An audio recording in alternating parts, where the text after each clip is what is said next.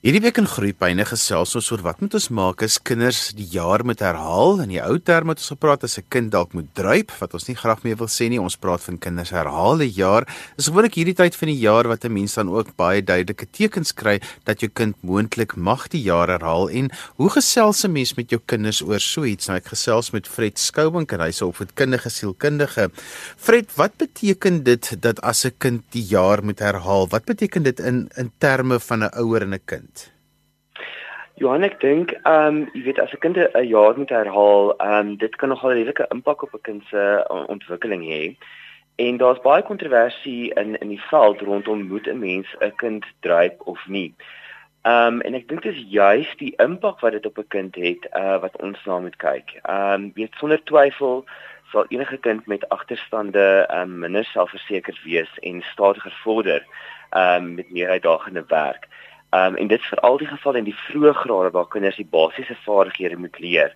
Maar ons weet ook dat ehm um, die leerder wat teruggehou word, verloor selfvertroue, word moedeloos en is eintlik meer geneig om minder moeite in hulle werk in te sit en te veel hoër risiko om ehm um, te misluk. So ek dink dit is 'n groot besluit wat gemaak moet word ehm um, tesame met die onderwyser en die ouers se ehm um, ehm um, jy weet insette en dan om met die kind te kan gesels oor uh, wat die implikasies vir dit is. En ek dink die vraag wat ouers moet vra is hoe sal die kind voel om teruggehou te word? Sal hy of sy meer gemotiveerd wees om te leer en te probeer of sal sy meer skaam wees en verder onttrek van leer? So ek dink ons moet die kind se persoonlikheid ook in ag neem en ook die ander faktore wat moontlik kan lei tot onderprestasie. Fred, dis nogal vir my belangrik dat 'n mens eerder 'n kind in sy jonger jare moet te, moet terughou want baie keer dan dan gaan hierdie trein maar net aan en aan en aan en ons hoop dit sal beter gaan, ons hoop dit gaan beter gaan terwyl ek weet dat kinders wat byvoorbeeld nog 'n jaar in graad R was, ma, doen eintlik soveel beter want dit tel nie eintlik as 'n druip nie. So dit is in hulle hulle ontwikkel baie meer en baie keer is hulle ook dan emosioneel meer reg om skool toe te gaan. So dis my asof mense baie keer te lank wag vir hierdie stap en eintlik is dit bedoel om tot die kind se voordeel te wees. Ja, en uh, dit is presies dit Johan dat ehm um, sou 'n leerder teruggehou word, moet dit eerder gedoen word in die vroeë jare, daai graad R jaar of graad 1. Ehm um, jy weet in selfs ehm um, enige tot graad 2 tot graad 3 kan mens nog miskien 'n kind terughou.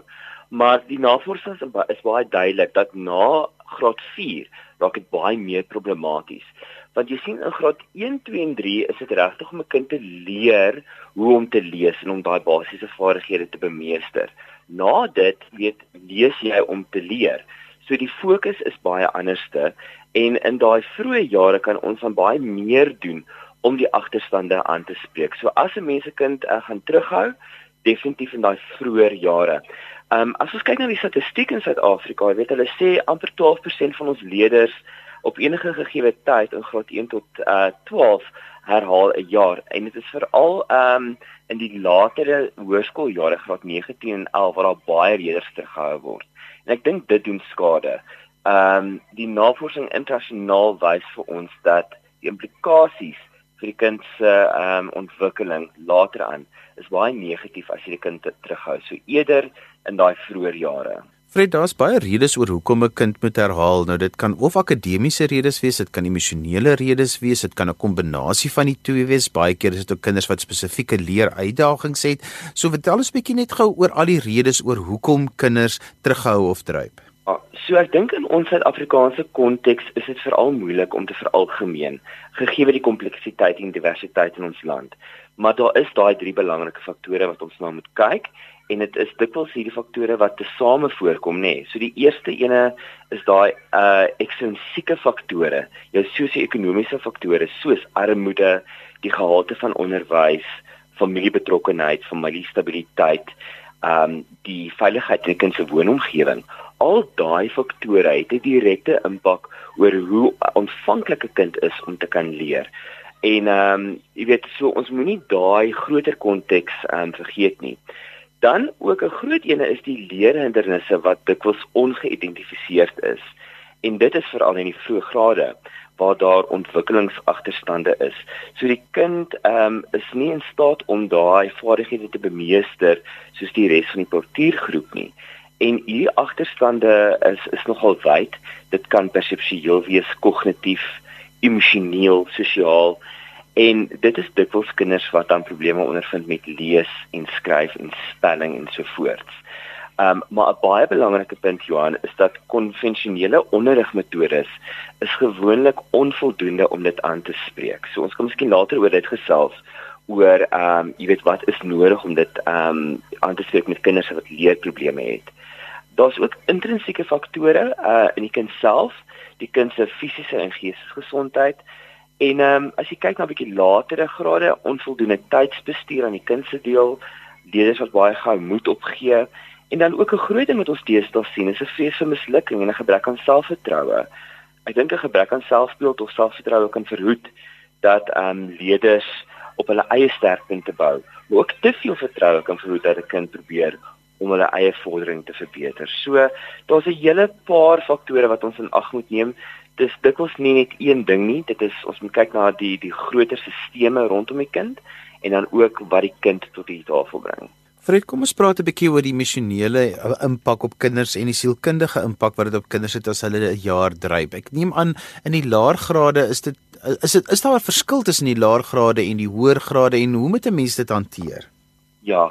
Ek dink met jou jonger kinders is dit dikwels makliker um om daai weet gapings te vul maar die emosionele impak is nog steeds daar, jy weet. So, ek dink is ook hoe jy met 'n kind praat uh oor die moontlikheid dat hy of sy teruggehou kan word.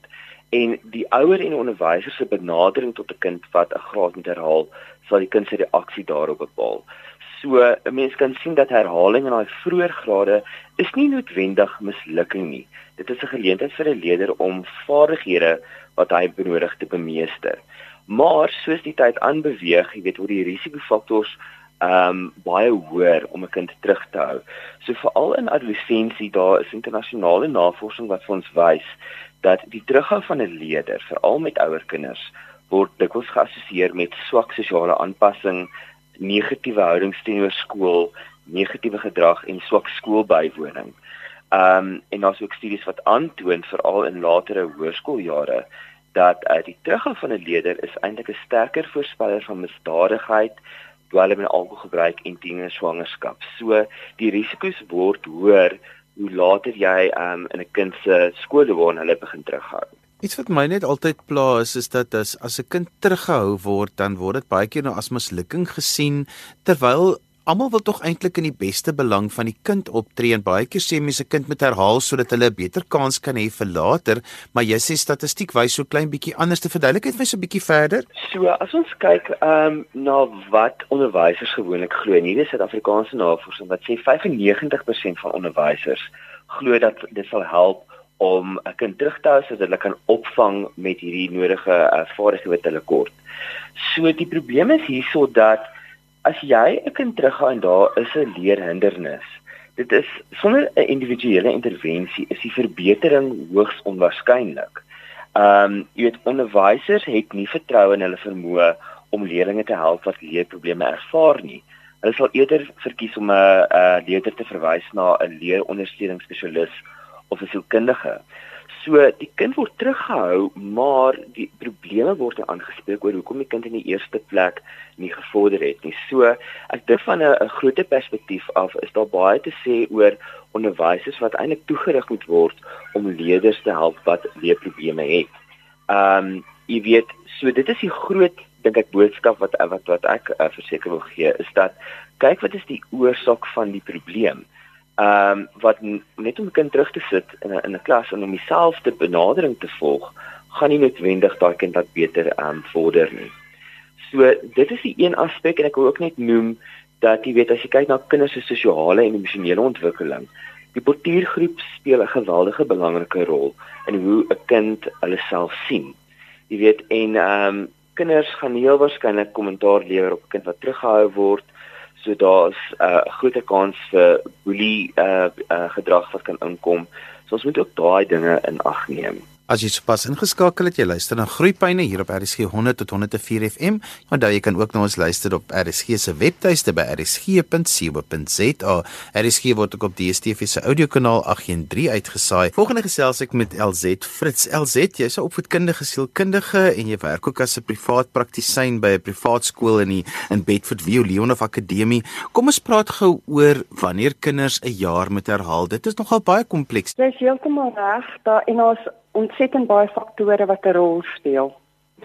So mense is baie keer geneig wanneer ons 'n kind het wat herhaal, dan is die eerste gedagte dis 'n kind wat nie goed genoeg is nie of is 'n kind wat nie slim genoeg is nie. En dis baie keer 'n klein faktor wat 'n rol speel. Daar's baie ander faktore wat ons in ag moet neem. Kom ons praat 'n bietjie oor al die ander faktore want dit is vir my ook bedoel om 'n positiewe ding te wees alhoewel mense dit as baie negatief ervaar, is dit bedoel om die kind te help om vir hom 'n beter kans in die lewe te gee. Ek is bly jy noem dit want ek as ons na faktore gaan kyk, dan kyk ons na intrinsieke faktore en ons gaan kyk na ekstrinsieke faktore. So ons intrinsieke faktore is baie keer jou kind wat byvoorbeeld daar sensoriese uitvalle of daar's motoriese uitvalle. So as ek byvoorbeeld dink aan my kleintjies in graad R en baie keer vir al my seentjies wat in die laaste 3 maande van die jaar verjaar. En dan moet ons 'n keuse maak, gaan hulle oor of bly hulle? En baie keer se intelligensie sterk, hulle gaan oor na graad 1 toe en hulle maak dit dalk nog in graad 1, maar gedurende die loop van graad 2, graad 3 kom ons agter die wiele begin afval. Nie omdat hulle nie intelligent genoeg is nie, maar suiwer omdat die liggaampie nog nie heeltemal gereed is om aan al die leervereistes te voldoen en lank genoeg te kan stil sit nie. So in daai opsig is dit vir so 'n kind eintlik voordelig dat hulle eerder 'n jaar herhaal sodat hulle op die ou einde veral in die hoërskool groter sukses kan ervaar. 'n Ander faktor wat 'n ekstrinsieke faktor is, byvoorbeeld 'n kind waar daar 'n trauma plaasgevind het. So daar's 'n ouer wat dood gegaan het. En hoe jonger ons kinders is, hoe groter impak kan dit byvoorbeeld byvoorbeeld op lê. En dan is 'n herhaling een van die opsies wat ons oorweeg om net vir daai kind daai geleentheid te gee om net op die ou einde die goed te hanteer op die emosionele vlak wat die lewe na hulle kant toe gegooi het. Dan is herhaling nie noodwendig 'n negatiewe ding nie. Elsit, kom ons praat net gou-gou oor ehm um, hoe hanteer ek dit dan met my kind? Hierdie gesprek wat met my kind gevoer moet word is so belangrik want ons wil hê die kind moet dit op die regte manier hanteer en daarmee kan saamleef. So, hoe moet 'n ouer dit hanteer? Die eerste ding vir my is daar as ouers moet 'n onderskeid gaan tref tussen hulle self en hulle kind.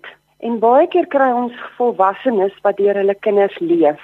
So 'n kind wat nie goed doen op skool nie, Die ouer beleef dit baie keer as ek is nie goed genoeg nie of ek presteer deur my kind.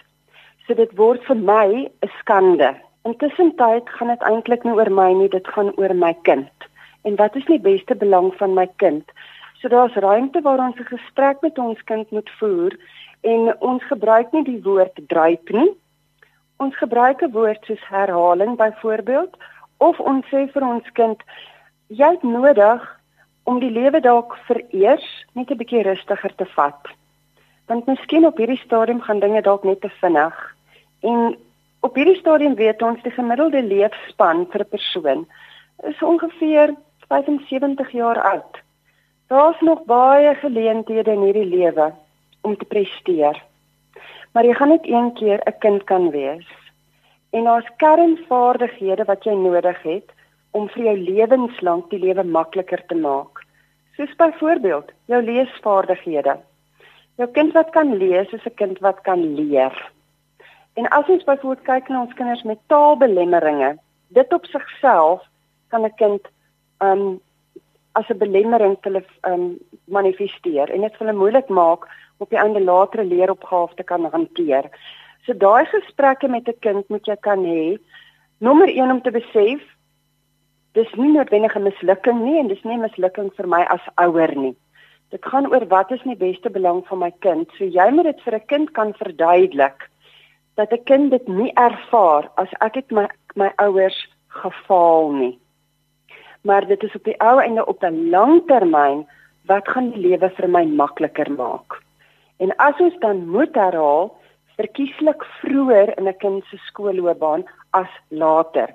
Maar as jy byvoorbeeld dink aan jou kinders waar daar verhuising plaasvind na 'n egskeiding, dan sit jy met 'n klomp veranderlikes en in so 'n situasie is dit dalk beter vir 'n kind al is hulle ehm um, verby hulle grondslagfase en hulle moet van skole verander.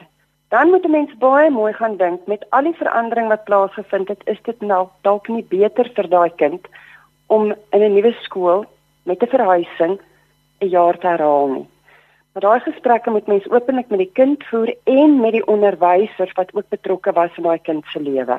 Elzet as 'n mens nou skool toe gaan en in hierdie gesprekke begin gewoonlik hierdie tyd van die jaar al reeds plaas te vind gewoonlik hier in die eerste kwartaal sê die juffrou al jy die vordering is nie heeltemal wat dit moet wees nie. Daar is een of ander ietsie wat pla.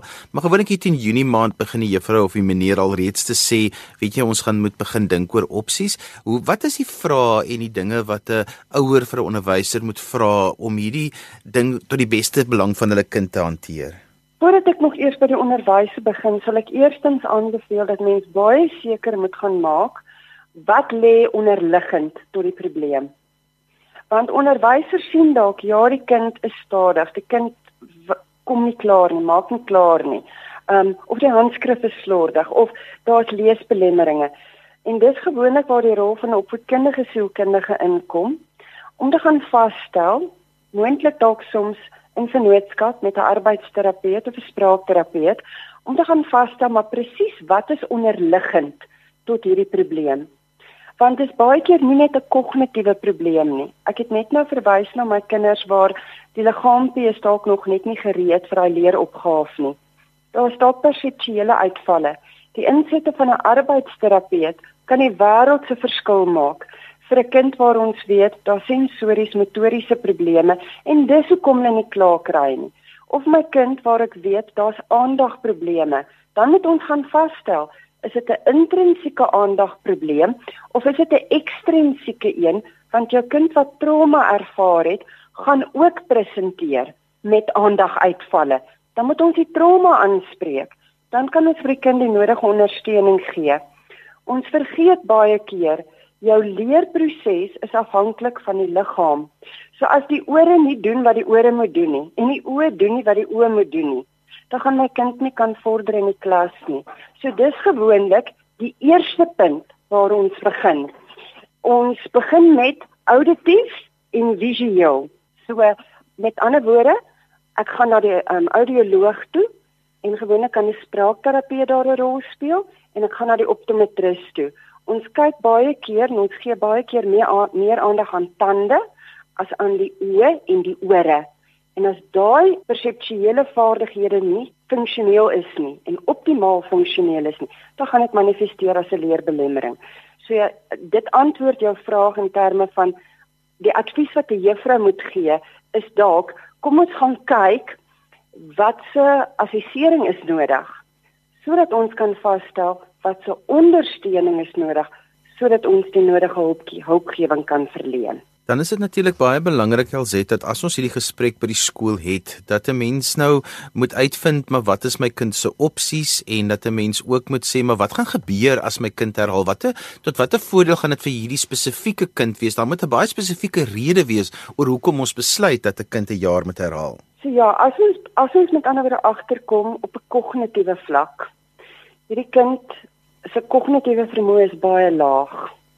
Dan weet ons baie keer dit gaan nie noodwendig vir daai kind 'n verskil maak um op die lang termyn. Nou ongelukkig ons onderwysstelsel vereis om vir jou kind in gespesialiseerde onderrig te plaas, moet jy dryp. As jy nie dryp nie, kan jy nie noodwendig op die ou einde gespesialiseerde onderrig ontvang nie. En dit op sigself is nogal sleg want ideaal gesproke wil ons sê eintlik met 'n kind in 'n portuïergroep op dieselfde ouderdomsvlak bly want ons leer optimaal op 'n sosiale vlak. So dit maak dit nogal gekompliseerd in terme van gaan ek die kind oorplaas, gaan ek die kind terughou. Die vraag wat ons moet vra is wat gaan in die beste belang wees van die kind? So as ek 'n kind het en ek praat nou weer van kognitief laag funksionerend en ek kom agter daar's nie maatjies nie en daar's 'n groot spottery wat plaasvind, dan moet ek baie mooi gaan kyk. Nommer 1, is die kind in die regte klas in die regte skool? As die kind nog maatjies het en die ander kinders het nog nie begin kommentaar lewer, dan kan 'n mens daai kind oorplaas mee gaan baie addisionele leerondersteuning moet gee. So dis baie keer van my kinders as die ouers dit kan bekostig, waar daar byvoorbeeld tutors in die klas inkom en hulle help daai kind of hulle plaas die kind in gespesialiseerde onderrig. Baie ouers, baie kinders het nie daai luukse nie. Dan moet ons op die einde met 'n onderwyser gaan praat en dis waar kundiges baie keer inkom om vir die onderwysers die advies te gee. Hoe kan jy daai kind help? Hoe kan jy die onderwyser help om die kind te kan help? En ons probeer baie sterk nie etikette plaas nie. So van die grootste probleme ontstaan op 'n sosiale vlak waar maatjies begin etiketwoorde gebruik. Jy's dom. Volwassenes gebruik ook daai etikette. Jy's dom, jy's stupid, jy's onnoosel, jy's 'n donkie. Ek kan aangaan met die etikette. So op die ou einde wil ons baie graag etikette wegneem. Ons wil vir die kind die nodige leerondersteuning gee. Ons wil vir die ouer die ondersteuning gee ongeag wat die oorsaak van daai herhaling of gebrek aan prestasie is sodat die ouer kan besef dis nie noodwendig ek wat 'n mislukking is nie, maar my angstigheid gaan moontlik bydra tot my kind se angstigheid. So ek moet eerstens aan my eie angstigheid werk en ons moet gaan kyk binne in 'n skoolkonteks want ek kry baie keer onderwysers ontsettend jammer. Hulle het 'n groot lading. Hulle vervul seker een van die belangrikste funksies in die samelewing Hulle word baie keer nie voldoende erkenning gegee vir die werk wat hulle doen nie en hulle kry nie altyd die nodige ondersteuning nie. So die skoolkultuur en die skoolklimaat is van kardinale belang veral vir my kinders wat met leerbelemmeringe sukkel. En as ek praat van leerbelemmering, dan moet jy ook onthou, ek kan 'n kind hê wat baie intelligent is, maar wat 'n leerbelemmering het wat op die ou ende kan um, tot gevolg hê dat hy nie die leervereistes aan voldoen nie en 'n risiko is om te kan herhaal. So dis nie net my kind met kognitiewe belemmeringe nie, dit kan ook my baie intelligente kind wees, maar wat nie noodwendig korrek verstaan word nie. So al die rolspelers het dan hulp en ondersteuning nodig. En dis waar professionele insette belangrik is, so sielkundiges en veral opvoedkundige sielkundiges. Ook die van ons in privaat praktyk het 'n verantwoordelikheid op die ou einde om nie net in ons kantore te werk nie, ehm um, maar ons moet ook by die skole uitkom sodat ons daar ook die nodige ondersteuning kan gee. So dit help nie ons en my kollegas die arbeids- en spraakterapeute assesseer kinders in isolasie sonder dat ons met die skool gepraat het of met die ander rolspelers nie. Ehm um, ons gee baie keer terugvoer aan ouers, maar ons gee nie altyd terugvoer aan die ander rolspelers nie en dan help daai terugvoer eintlik nie genoeg nie. En so gesels Elzet Fritz op voedkundige sielkundige sy in privaat praktyk met sy werk ook by Leonhof Akademie in Bedford View. Onthou jy kan weer na vandag se program luister op potgooi laai dit af by resgep.co.za. Vandag het ons gepraat oor al die aspekte wat 'n ouer gedagte moet hou wanneer 'n kind 'n jaar moet herhaal. Skryf gerus vir my 'n e-pos by groeipyne@resgep.co.za. Dan groet ek dan vir vandag tot volgende week van my Johan van Lille. Totsiens.